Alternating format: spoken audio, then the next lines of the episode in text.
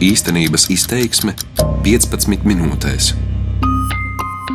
Šī gada februārī valdība ar lielām grūtībām pieņēma to profesiju sarakstu, kurās ar saviem augsti kvalificētiem speciālistiem nepietiek.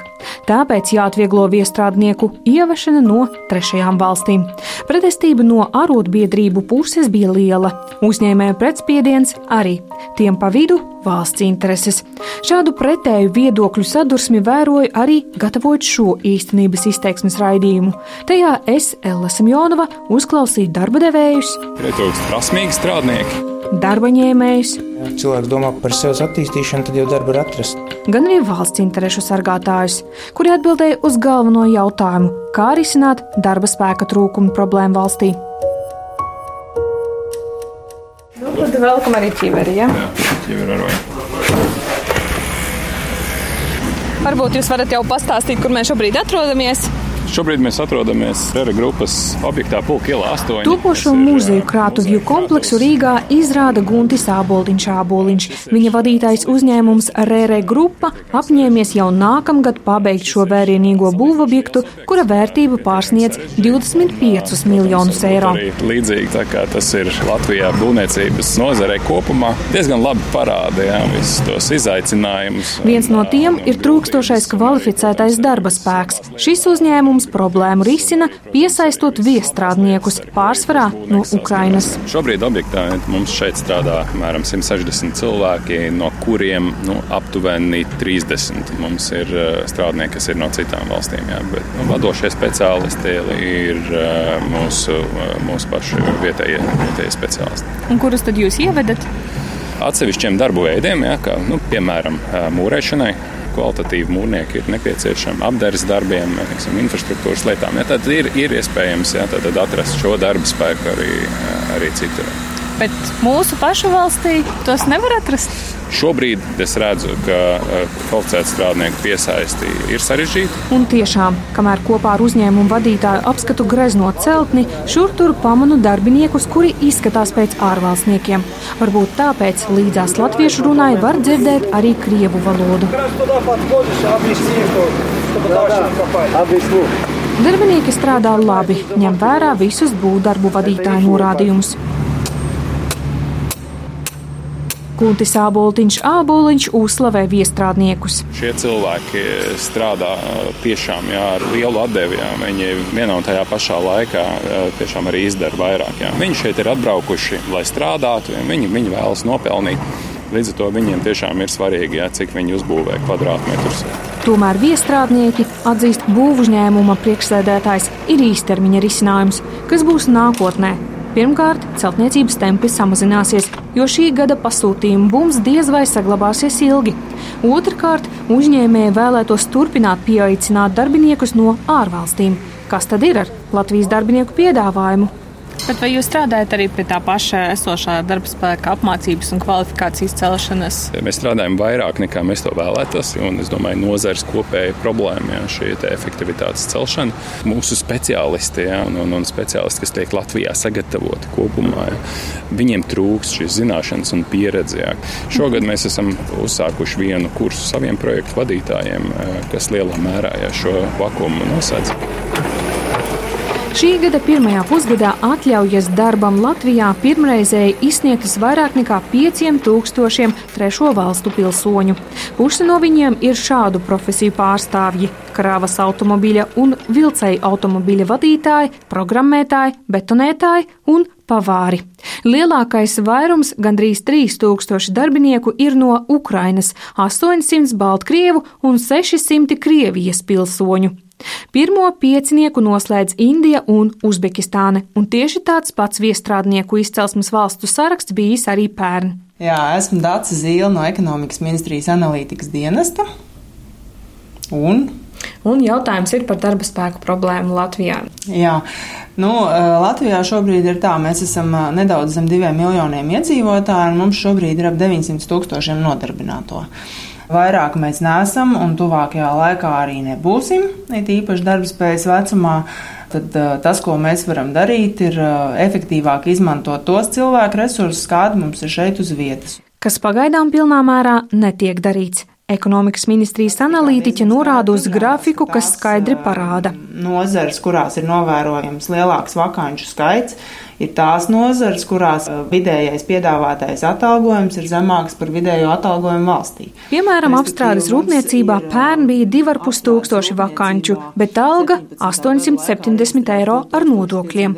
Tas pats attiecas uz tirdzniecības un veselības nozarēm. Tas liecina par to, ka mēs visi kā cilvēki, kā sabiedrība šeit kopā gribam dzīvot labi un aizvien labāk. Līdz ar to vienīgais ceļš uz priekšu uzņēmējiem ir strādāt produktīvāk, investēt jaunās vai nu ražošanas iekārtās, jeb jaunos veidos, kā darīt darbus, lai mums ir iespēja arī tādiem cilvēkiem kā pakalpojumu sniedzējiem, kā frizieriem samaksāt godīgu algu par viņu darbu, lai viņi arī var labi justies šajā sabiedrībā un labi dzīvot. Kopējā efektivitātes algu un labklājības līmeņa celšana valstī varētu mudināt no Latvijas aizbraukušos strādniekus atgriezties dzimtajā zemē.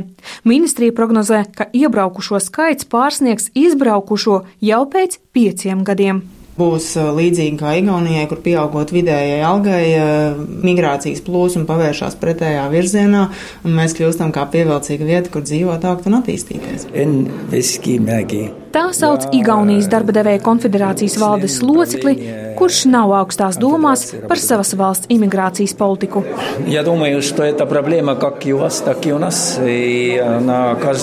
Šī problēma ir kopīga mūsu valstīm, un ar katru mēnesi tā padziļinās. Mēs piedzīvojam ekonomisko izaugsmi, uzņēmēji ir gatavi investēt naudu, bet nav jau kur, jo nav kam strādāt.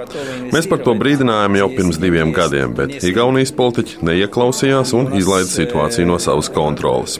Politiķi все-таки прозевали этот момент, они не слушали нас. Šodien mēs lielā mērā izmantojam darba spēku no Ukrainas, Baltkrievijas.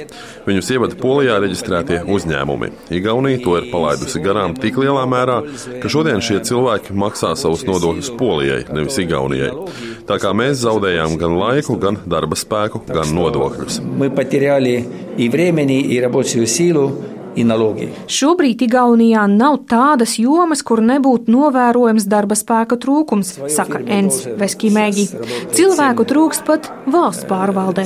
Arī viņa paša vadītajā uzņēmumā strādā speciālisti no Ukrainas. Jautāja, kādas kvalifikācijas darbiniekiem tiek dota priekšroka. Mēs dodam priekšroku augsti kvalificētiem speciālistiem, tomēr arī maz kvalificēti darbi kādam ir jāveic. Un Igauni negrib negrib to darīt. Tāpēc viestrādniekus nāksies ievest придется завозить. Protams, mēs nevaram likt šķēršļus, tad, ja mums ir vajadzīgs kāds augsti izglītots speciālists. Tā saka valsts nodarbinātības aģentūras direktore Evita Simpsone. Bet, ja mēs runājam par vidējas vai zemes kvalifikācijas speciālistiem, es teiktu, ka mums ir rezerve. Un mums ir primāri ir jānodarbina valsts iedzīvotāji. Un, un tā iekšējā rezerve ir mūsu valsts bezdarbnieki. Tie ir 57 tūkstoši reģistrētu bezdarbnieku. Tā joprojām ir rezerve, kuru mums kopīgi kopīgiem spēkiem ir jānovirza atpakaļ darba tirgu, vai arī kādam varbūt pirmo reizi jāpalīdz nonākt darba tirgu. Valsts nodarbinātības aģentūra ir pamanījusi arī visai saudabīgus darba devēju sludinājumus, kas liecina par radošu pieeju viestrādnieku piesaistīšanā. Kad tiek meklēta apkopēja ar ļoti specifiskām valodu zināšanām, ar augstāko izglītību, tad uzdodot jautājumu, kāpēc tur atrod atkal kaut kādus interesantus pamatojumus. Evita Simpsone stāsta, kompānijas, kas meklē darba spēku no trešajām valstīm, veidojas arī Latvijā. NVA izsniedz tām licenci un uzrauga to darbu. Lielas paldies vēlreiz! Lai jums veiksmīgi dienas! Darba spēka deficītu izjūt arī valsts iestādēs. Dodos uz Rīgas Austrumu Klīnisko universitātes slimnīcu. Tā, kur mēs tagad ejam? Bezsmaksas intensīvās terapijas klinikā. Tūlītās. Labdien! Labdien! Rīgas austrumu slimnīcas aprūpes direktore Inese Budzila stāsta par īpaši izteiktu māsu trūkumu. Šajā palātā ir trīs pacienti vienai māsai, un par intensīvo terapiju runājot, mums ļoti gribētos, ka tā būtu vienai māsai divi pacienti. Tagad būs pēc operācijas urnēks. Ka ir mīriga dežūra, pacienti mīrigi nekas. Ja iestājas ļoti smagi pacienti ar pulīti. Medmāsa Valentīna stāsta, ka brīžiem visus spēkus prasa viens pats pacients, tāpēc kuplāks darba kolektīvs būtu liels atbalsts. Pēc aprūpas direktoras vārdiem šobrīd neaizpildītas ir 87 vakances. Nu pat Inese Budzila atgriezusies no tikšanās ar pirmkursniekiem Rīgas sarkanā krusta medicīnas koledžā, kurus aicinājusi darbā jau tagad. Viņiem ir tā iespēja, lai viņi varētu uzsākt darba attiecības jau pirmajā gadā. Spējīgus jauniešus pamana jau skolnieku vidū. Tāds piemērs ir certificēts māsu palīgs Mārīta Beķere, kura slimnīcā strādā jau sešus gadus. Tikko kā pabeidzu skolu, bija uzreiz iespēja šeit strādāt kā ārstu palīgam. Jo arī tad, kad es mācījos, pēdējos gadus es šeit strādāju kā sanitārs un virsmās ieraudzīju, nu, ka būtu ļoti labs kolēģis un uzreiz pieņēma darbā. Bieži Inese saņem savā ēpastā vēstules no Ukrainas, Gruzijas vai citu valstu iedzīvotājiem, kuri vēlētos uzsākt darbu slimnīcā. Tomēr, lai strādātu Latvijā, viņiem jāpārvalda valsts valoda. Es viņam tā arī atbildu, ka man nekādas pretenzijas nav, ja šis izglītības centrs viņu diplomu atzīst, un ja viņš pārzina latviešu valodu, nav problēmas. Jautāja, kur slimnīca vēlētos smelt darba spēka resursu. Latvijā reģistrētas ir 18,000 māsas. Ja Latvijā 18,000 māsas būtu praktizējošās, mums būtu zelta dzīve. Praktizējošas māsas mums ir 8000. Tātad 10,000 māsas vai nu viņas ir devušās citā virzienā, vai nu viņas liela daļa strādā tepatās Latvijā, bet viņas nestrādā medicīnā. Mums Un tieši viņus varētu piesaistīt nozarei, ja vien atrisinātu atalgojumu jautājumu, to, ko valsts kā darba devējs ilgus gadus bija atstājusi novārtā. To bezdarbnieku numuru iegūšanai. Man sauc Mairis Švigers, un es esmu topošais uzņēmējs, tā varētu precīzāk teikt. Nevis darba meklētājs. Jā.